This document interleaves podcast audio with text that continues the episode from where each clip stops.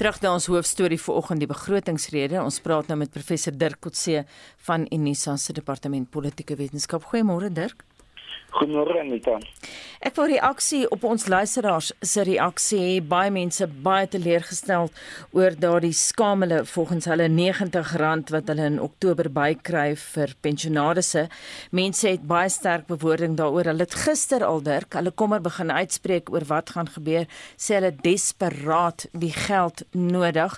En dan 'n ander ietwat siniese opmerking van Katrein Diedericks. Mense verwag absoluut niks. 'n Klip het meer tekens van groei en verandering in waarde as wat op staatsvlak aangaan. Jou reaksie op hulle reaksie? Maar ek dink die onmiddellike antwoord daarop is die feit dat uh, daar nie verhogings in die meeste tipe van belastings is nie. Ehm um, dat die proses van inkomste um, genereer uh, word eintlik gelaat op die die tendense wat hulle hoop wat gaan plaasvind en dit is dat uh die inkomste diens byvoorbeeld nog meer effektief gaan wees uiteindelik. Um, dat daar ook 'n uh, uh, op opwaartse beweging gaan wees van mense wat salarisse verdien en salarisverhogings gaan hê. Uh nie noodwendig baie hoë salarisverhogings nie, maar dat dit mense dus opdruk in terme van die totale belasting wat hulle uiteindelik betaal. Ehm um, terselfdertyd is daar 'n baie wye verskeidenheid van vir vir verhogings nie noodwendig baie hoog nie soos jy nou noem, maar met die maatskaplike uh, toelaag wat betaal word, wat bykom is die 44 miljard rand vir die 350 rand se uh, ondersteunings toelaag wat wat nou reeds tydens die pandemie betaal is. So die daar's 'n uitbreiding van hoeveelheid mense wat nou toelaag ontvang na omtrent 46%. Nou dit is die helfte van die bevolking. En dit is totaal onrealisties eintlik um dat so 'n groot gedeelte van die bevolking afhanklik word um van van staatstoelaag. Um en ek dink dit is een van die hoofredes hoekom dit nie oor die hele spektrum dan hoë verhoging kan wees nie. Is omdat dit nou lateraal uitgebrei word. Um en die bronne van inkomste eintlik baie beperk is deur hierdie uh, begroting. Dirk Moore Oudo hier. Uh, Ronald Lamolle het gister amper bietjie van 'n glimlag uit uh, glimlag uitgelaat. Hoeveel meer geld kry hy nou om korrupsie te bestry deur die nasionale vervolgingsgesag? Ja, daar daar is uh, is net oor 'n biljoen rand te dink oor 'n paar biljoen. Um, wat wat baie belangrik is vir hom. Um, sy portefeulje is besig om eintlik groter en groter te word. En dit is natuurlik die howe val onder hom, die vervolgingsgesag val onder hom. So uh as daar enige effektiewe optrede teen die uh teen korrupsie en die die opvolg vir die sonderkommissie kan plaasvind, um, dan is dit binne hierdie konteks. En uh, daar is ook meer tipes van howe wat oor tyd ge, gevorm is, daar's die spesiale vervol uh, die die spesiale ondersoekeenheid ehm um, dis wat ter sprake is. So die syportefeulje is net besig om om om te groei en om om meer gekompliseer te word. En natuurlik wat baie mense wil sien is dat hulle baie meer effektief is en ons het gesien hoe al die instellings vra vir vir groter begrotings um, om meer mense te kry om meer bevoegde mense of gekwalifiseerde mense te kry.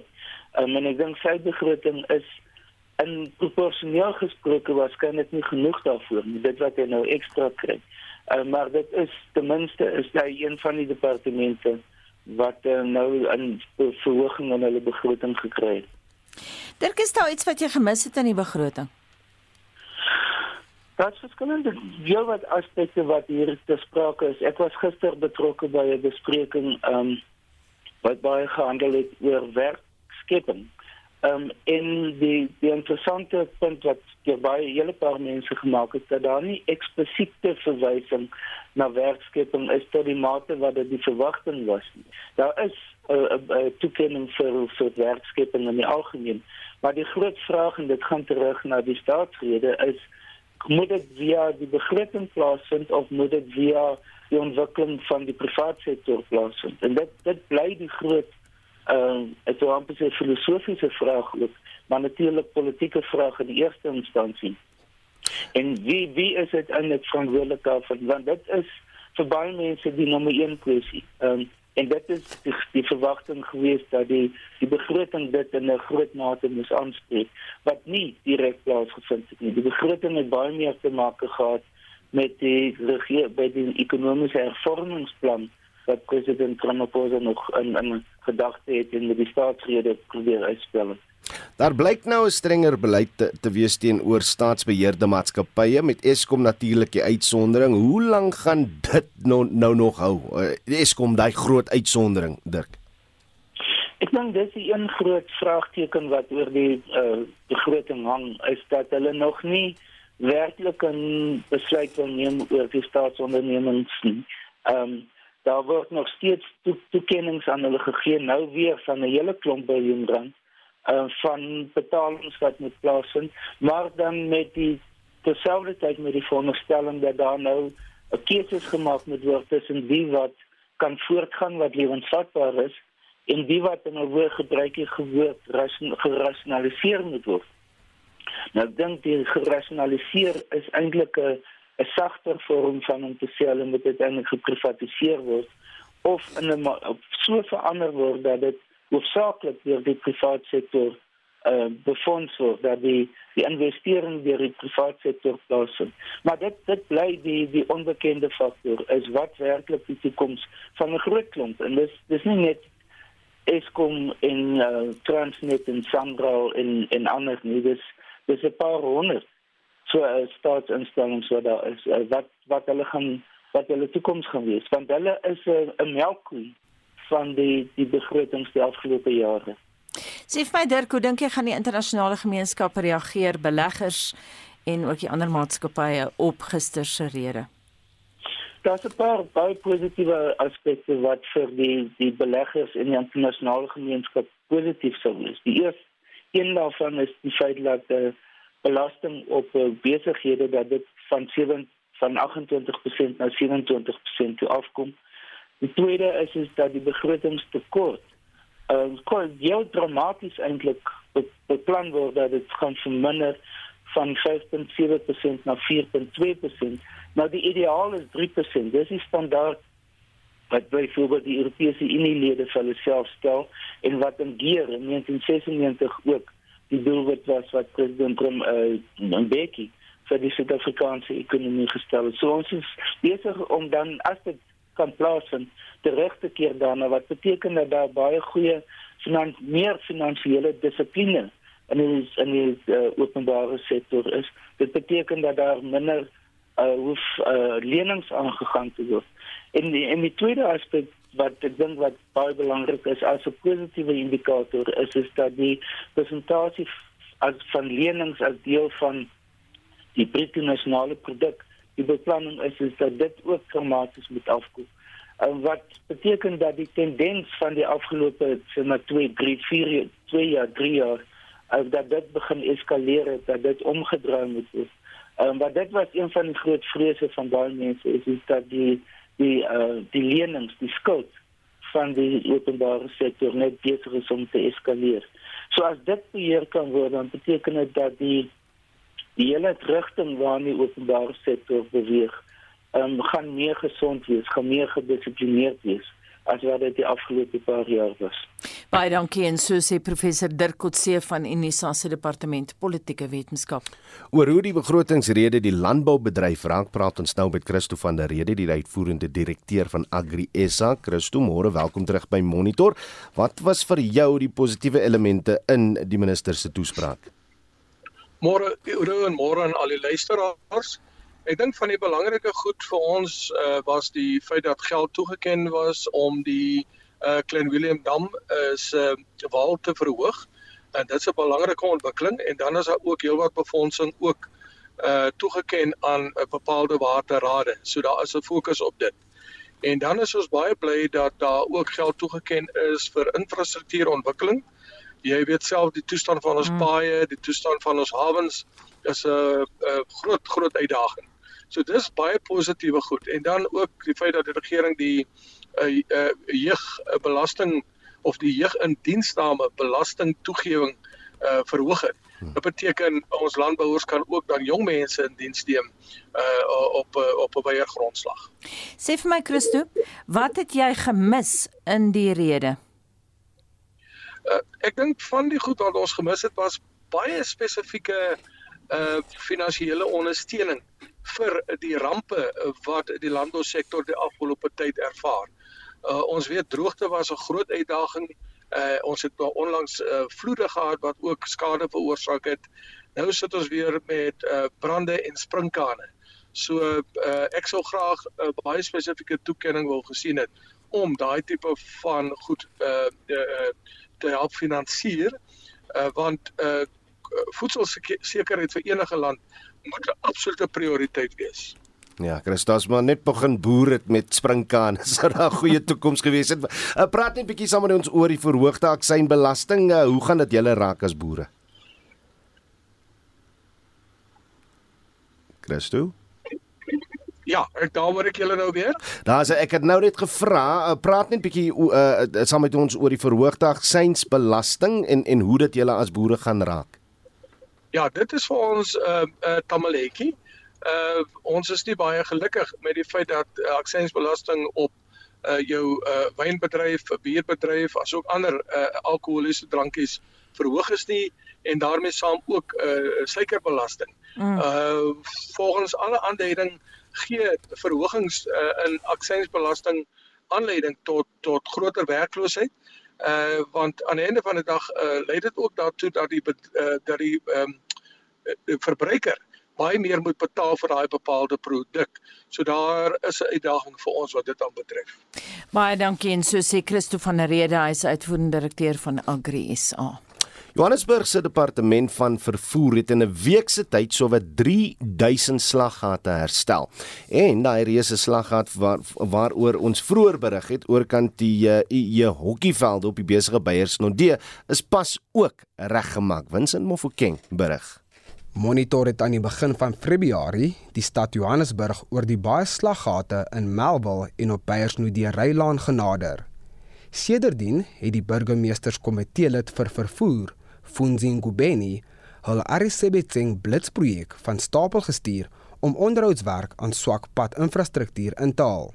Die woordvoerder, Olebogeng Molatwa, sê die Johannesburg se padagentskap het talle probleme tydens die inperking ervaar wat die massiewe agterstand veroorsaak het. Maar die stad kon binne 'n week ongeveer 3000 slaggate regmaak. So this Arisebetseng that we began in Region E last week is meant to address all of those backlogs. We're targeting potholes, we're targeting deep patches, reinstatement, blocked KIs, and all kinds of sewer drains. So essentially, in that particular week from the 14th to the 18th, quite a significant amount of work was done. And MMC is happy that, you know, um, a serious dent has been put in the city's road service query blocks, uh, query backlogs. I mean, the amount of work that we've been able to do in a week entails, you know, filling 1,496 potholes, repairing 1,311 deep road patches, unblocking 293 KIs and pipes, sealing 650 cracks, refilling 236 reinstatements, as well as fixing or installing 115 guardrails. Molata voeg by dat werknemers van die Johannesburgse padagentskap nou voltyd op hul poste sal wees wat die omkeertyd op navraag sal versnel. Daar is ook 'n vennootskap met die privaat sektor om die projek volhoubaar te maak. But also there are partnerships, private partnerships. You know, Discovery has got this pothole patrol, which, you know, incidentally, we rope them into, you know, this initiative, this articulating initiative that NMC started. So they worked with us in Region E, and beginning the 28th of February, that Monday, they will work with us as well in Region B when we start the RCB thing there. Of course, when we talk about the Region B, we speak of areas such as, you know, Rosebank, Melville, Parkhurst, you know, your Coronation, the Westbury, Riverlea. So those are the areas where we, MMC Ngobeni, will be next week Monday to launch Arsenal in Region B this time. Die kwessie van instandhouding bly tog vir inwoners 'n probleem. Molatwa sê hulle hoop daar sal genoeg begroot word sodat die instandhouding konsekwent gedoen kan word. I know that things, you know, are a bit slow right now, but as that full complement of JRA employees begin to, you know, to work throughout the entire city, uh, as we focus region by region by region, we're confident that we will be able to pick up our rate of maintenance of our road infrastructure. Just maybe if I could add, in terms of RCBC, as, as you would know, currently it's done on a week by week basis. Basically, we look at one week for a single region. What MMC Ngobeni wants to do moving forward is that in order to address the backlog that we have a lot quicker, is we're able to have these uh, blitz operations at two regions at the same time so that we address whatever issues arise, you know, quicker than we would if we were focusing on a region at a time. Dit was Olebogeng Molatwa, woordvoerder vir die stad Johannesburg se departement van vervoer. Ek is Vincent Mufokeng vir SAI Garnis. Madeleine Is jy tevrede met minister Enoch Godongwana se begrotingsrede? Cecilia Massain Ferreira skryf op Facebook: "Ag, wat go with the flow." Maar op WhatsApp stroom die boodskappe in en baie min mense daar wil go with the flow. Hier is wat hulle sê. Sê dankie vir daai R90. As van die mense wat dinge sê, wat ek glo nie hulle besef regtig dat daar ou mense was wat ook gewerk het soos hulle en daai jare toe ons gewerk het, het ons nie soveel geld gekry soos hulle vandag kry nie. Ons kry ook wat ons in daai jare ingegee het om die land en ons in Suid-Afrika op te bou. Ons moet maar versigtig wees wat ons sê. Ek glo ons kon meer gekry het. Ons is dankbaarheid daarby. Ek is nou 75 jaar en ek was my hele loopbaan wat ek gewerk het, het ek op die 45% inkomstebelasting kerf gewerk. Ek het buitelands gewerk, ek het verskriklik baie geld betaal in inkomstebelasting. Dan word ek 'n skamele R90 gegee. Ag sies tog. Ek wonder of hy nie dit maar wil vat en switch vir sy kindertjies koop nie. Of vir sy kleinkindertjies. ja, wat? Julle wat so moan oor die R90, wees dankbaar daarvoor man. Die president kan dit net sowel wegvat dan sit jy met R1900 minder. Julle wil net altyd moan. Dit is nie die regering se werk om vir jou pensioen te sorg nie. Jy het 'n leeftyd gewerk en jy moes voorsiening gemaak het. My vraag is, hoekom maak mense nie vir hulle self voorsiening vir hulle ou dag nie? Genigtig. Ek het jare en jare hard gewerk om te sorg dat ek op my ou dag nie van die staat afhanklik is nie. Nee man, trek julle sokkies op. Spaar en moenie so afhanklik word van die staat nie of jy sokkies opgetrek het of nie Adri Botha plaas die R90 kwessie in perspektief op die SMS lyn sy sê mense kan skaars toiletpapier koop met daai R90. Wil jy sê van klaar van die klaars besef nie dat Suid-Afrika anders as die res van die wêreld is nie. Mense is nie noodwendig te lui om te werk nie. Daar is net nie werk nie en die minimumlone dra volgens Willie verder daartoe by. Die vir ouers iets te sê oor die begrotingsrede, gesels saam, jy kan 'n SMS stuur na 45889, dit gaan jou R1.50 kos. Kan 'n stemnota stuur 0765366961 of praat saam op die Monitor en Spectrum Facebookblad. Net baie vinnig na aanleiding van daai luisteraar Marlenae wat sê ag nee man, moenie so afhanklik word nie. Interessant dat Dirk Kotse nou vir ons gesê het 46% dis amper die helfte van Suid-Afrikaners uh, moet staatstoelaag kry om te kan oorleef. So dis iets om aan te dink. 735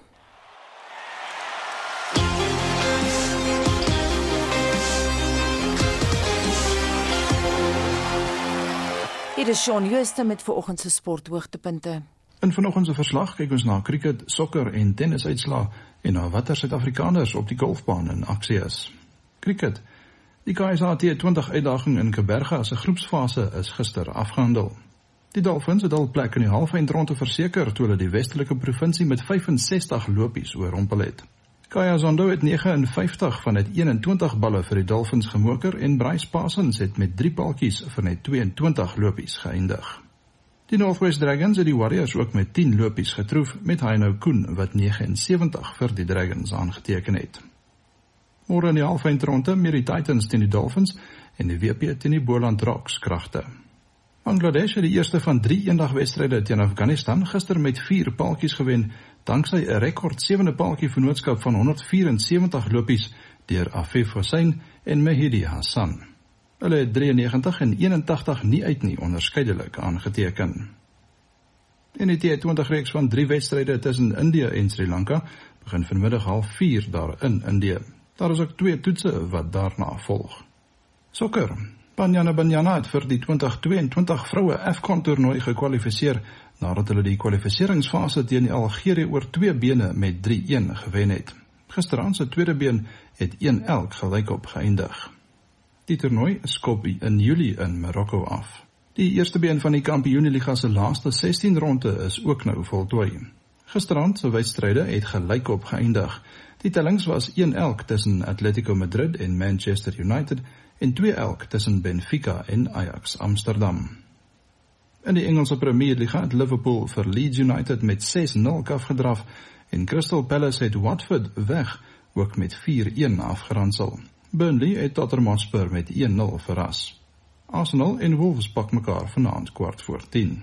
Op die tennisbaan in die tweede ronde van die manstoernooi in Mexico stap die eerste gekeerde rus Daniel Medvedev vandag teen die Spanjaard Pablo Andujar en die nommer 4 ook van Spanje Rafael Nadal teen die Amerikaner Stefan Kozlov op die baan uit. By die Dubai Tennis Kampioenskappe die wêreldnommer 1 Novak Djokovic van Servië na die kwart eindronde deurgedring nadat hy die Rus Karen Khachanov met 6-3 en 7-6 geklop het. En by die vroue toernooi in Doha in Qatar het die wêreldnommer 3 Barbora Krejcikova van die Tsjechiese Republiek met 6-3 en 6-2 teen Jelena Ostapenko van Letland verloor. Die wêreldnommer 2 Aryna Sabalenka van Belarus het haar wedstryd teen Jill Teichmann van Switserland gewen en is deur na die kwartfinale.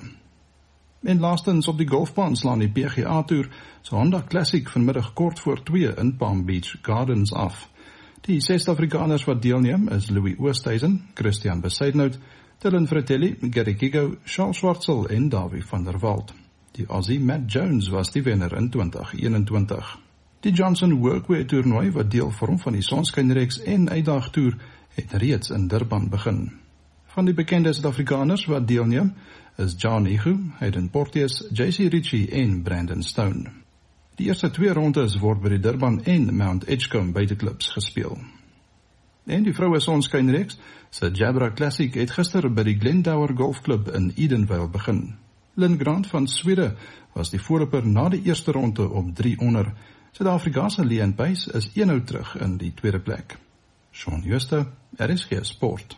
Ons het in monitor nou uh, al um, verwys 'n paar keer na die situasie in Oekraïne. Ons praat later verder daaroor, maar eers is dit tyd vir cricketnuus of hoe dan? Absoluut, ja, dankie Anita. Die tweede toets teen Nieu-Seeland begin natuurlik om middernag Suid-Afrikaanse tyd in Christchurch. Die groot vraag is of die Proteas nie weer 'n groot loosing gaan kry nie. Uh, hulle het met 'n beurt en 276 lopies verloor in die eerste toets, hulle tweede swakste vertoning ooit. Ons praat nou met uh, Tinus van Staden, cricketskrywer skrywer vir Netwerk 24. Tinus, môre welkom by Monitor. Goeiemôre ou. Of sal ek sê welkom terug nou. Hoe gaan jy nou slaap die volgende paar dae?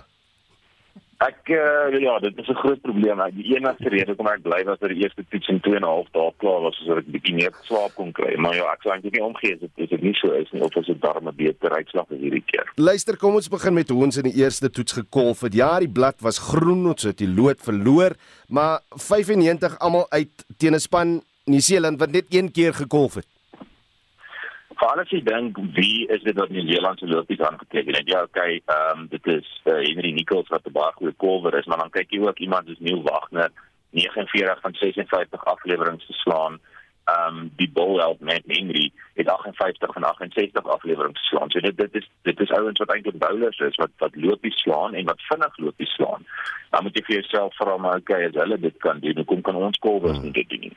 So ja, dit is die daar was een van die groot probleme was maar dissipline geweest. Dink ek dit was uitstekende bolwerk van die Nieu-Seelandse uh bowlers hulle die bal presies op 'n goeie lengte geplant net genoeg beweging gekry die beste uit die toestande gemaak. Maar die Suid-Afrikaanse kolwers 13 van die paaltjies het agter die penne geval wat vir jou wys dat dit was gedissiplineerde bolwerk maar ook soms tentatiewe kolwerk so daar is probleme wat hulle gaan moet uitsorteer voor hierdie toets. Ehm um, Mark Boucher en Dean Elgar het albei gepraat van energie en intensiteit en 'n mens kan maar net hoop dat dit hierdie keer beter is.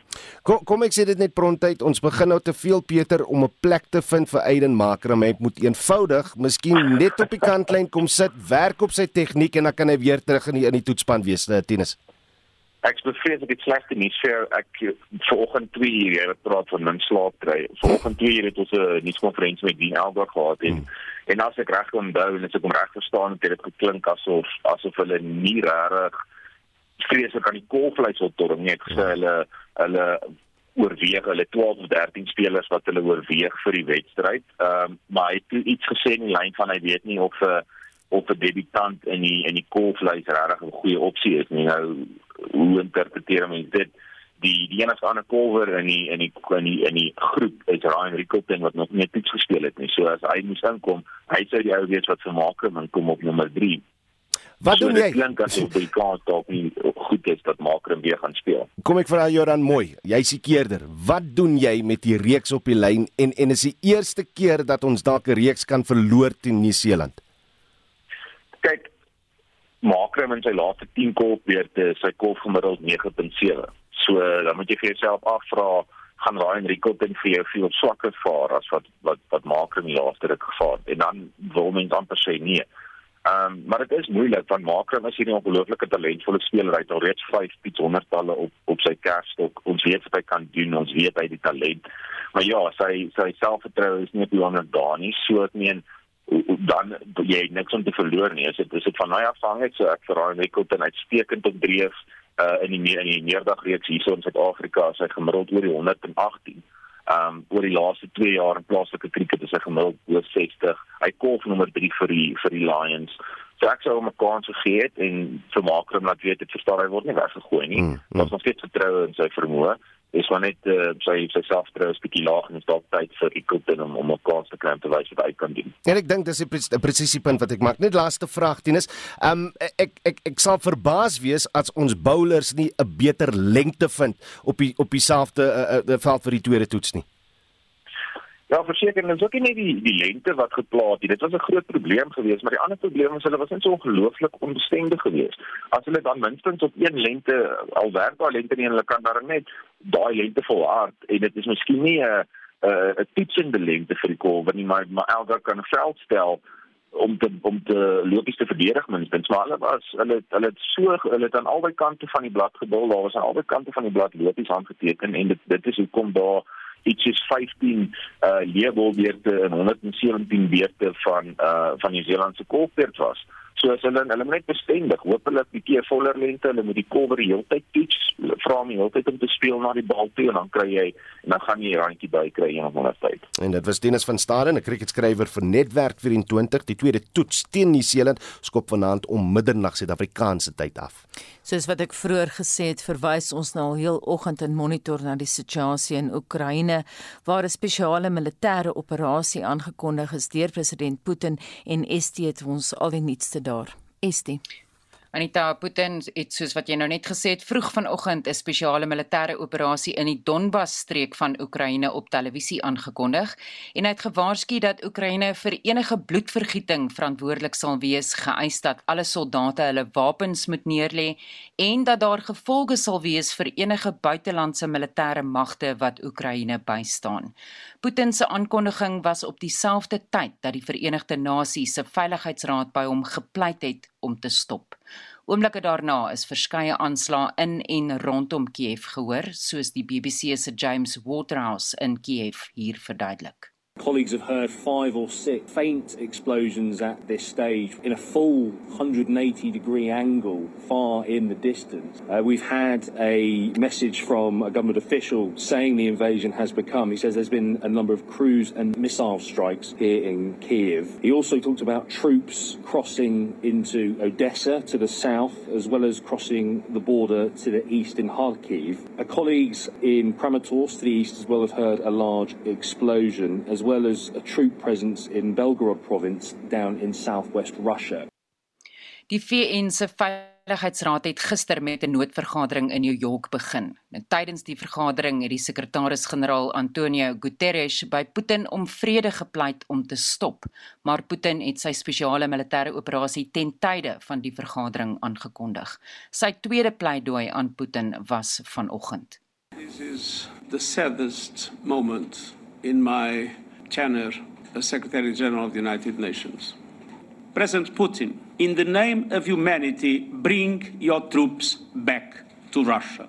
In the name of humanity, do not allow to start in Europe what could be the worst war since the beginning of the century, with consequences not only devastating for Ukraine, not only tragic for the Russian Federation, but with an impact we cannot even foresee in relation to their consequences for the global economy when we are emerging from the COVID and so many developing countries absolutely need to have space for the recovery, which would be very, very difficult with the high prices of oil, with the, the end of exports of wheat from the Ukraine, and with rising interest rates caused by the instability in international markets.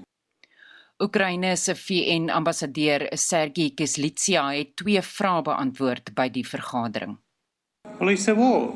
It means thousands and thousands of people killed, if not millions. And what I want from the world, I want the world to rally, after all, and defend the world from the, from the aggression, from the Russian Federation.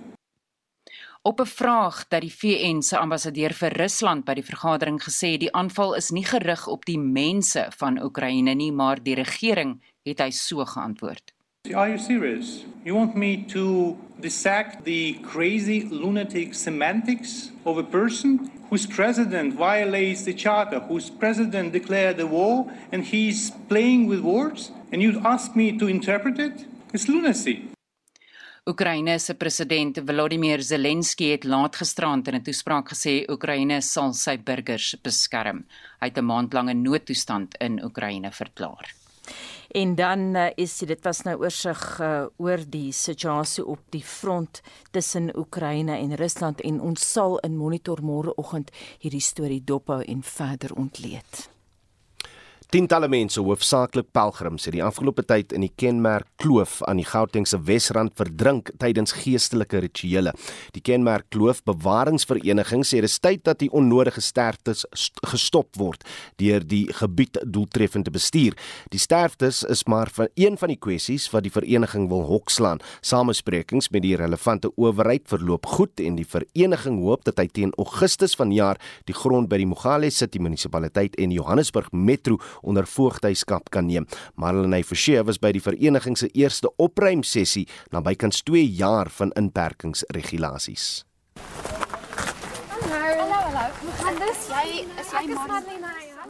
Melissa Hattinge is een van die wat aan die stuur van die vereniging se sake staan en hulle erf grens aan die kloof. Sy sê hulle raak betrokke in 'n poging om die nodige veiligheidsmaatreëls te implementeer en om lewe te gee aan ander groot drome. Hiking has become the most prolific outdoor activity in the country and we want to make the space usable, walkable, safe for hikers. So that we can charge a bit of an entrance fee, that they can enjoy the facilities, we can do guided walks, Die kloof word verdeel tussen die Mogale City munisipaliteit en die Johannesburg Metro. Nou Hadding sê die proses het aanvanklik gesukkel, maar die probleem lê nie noodwendig by die regering nie. Was a lack of interest by the community, in fact, and shunting the responsibility wholeheartedly on the municipality. Their resources are limited. So it has to be a collaborative effort between the community and the municipality, and we have to work together. There cannot be this expectation that it's got to fall on someone else's shoulders. Whose shoulders? You live here. You need to do it yourself. Get involved. Sy sê die bureaukratiese proses behoort oor so 6 maande afgehandel te wees. The department that we met with was very supportive and they have endorsed us so that we can move on to the next stage. We've proposed to register the company. We will register as a public benefit organisation through SARS so that we can issue Section 18A certificates. Then we can start looking at employing people to undertake security initiatives, maintenance initiatives, cleaning initiatives, and we create employment that way. We need to work with the municipality as a collaborative partnership. Die vereniging se doel is egter nog nie aan almal duidelik nie. Oh, we're scared when we see you. Every time I see you, I say, also, we're just trying to clean you. Oh, yeah, just clean it. Dit is nie net 'n plek van ontspanning nie. Vir baie is dit 'n plek van aanbidding. Dis Saterdag en ek en die vereniging se mede-stigter Charlotta Stein loop verskeie pelgrims raak. See your family, eh? Yep. What is all this that you have here? I've got uh, wood, then I've got uh, my candles as well, then I've got my empty bottles. Generally, we come here to pray. It's amazing. We feel light after leaving this place. And thank you for taking care of it. We always you encourage so them. Welcome. We need to take care of this place because it's taking care of us as well. This is your son? Why is it important for you to bring him? Connect with nature as well. It was one year when I started seeing stuff that nobody sees. So I always, when I go to these places, I bring him along Why this specific area here? because of the water. I come here just to collect that clean water to drink, and it opens our drains as well, especially the one on the cave there. So usually we do our praying, then after getting that water, then we take it home. Was egter duidelik dat daar steeds brûe is wat oorkruis moet word. Can I use your name or do you want to stay anonymous? Um, it's okay. I'm gift. I cannot say my church because um, we need to protect the church. We mostly in a space where we do our stuff secretly. So I don't want to expose my church. Do you feel like there is cooperation between the people who want to take care of the environment and the people who come here for their rituals? We had some people that were saying we mustn't come to this place. I believe that we should share it everybody, as long as we keep it clean, as long we respect one another when we are here. Die bewaringsgesindheid word nog nie deur almal gedeel nie. Hier kry ons 'n vuurtjie wat nie moet gebeur nie en dit word maar gereeld deur ons uitgesit.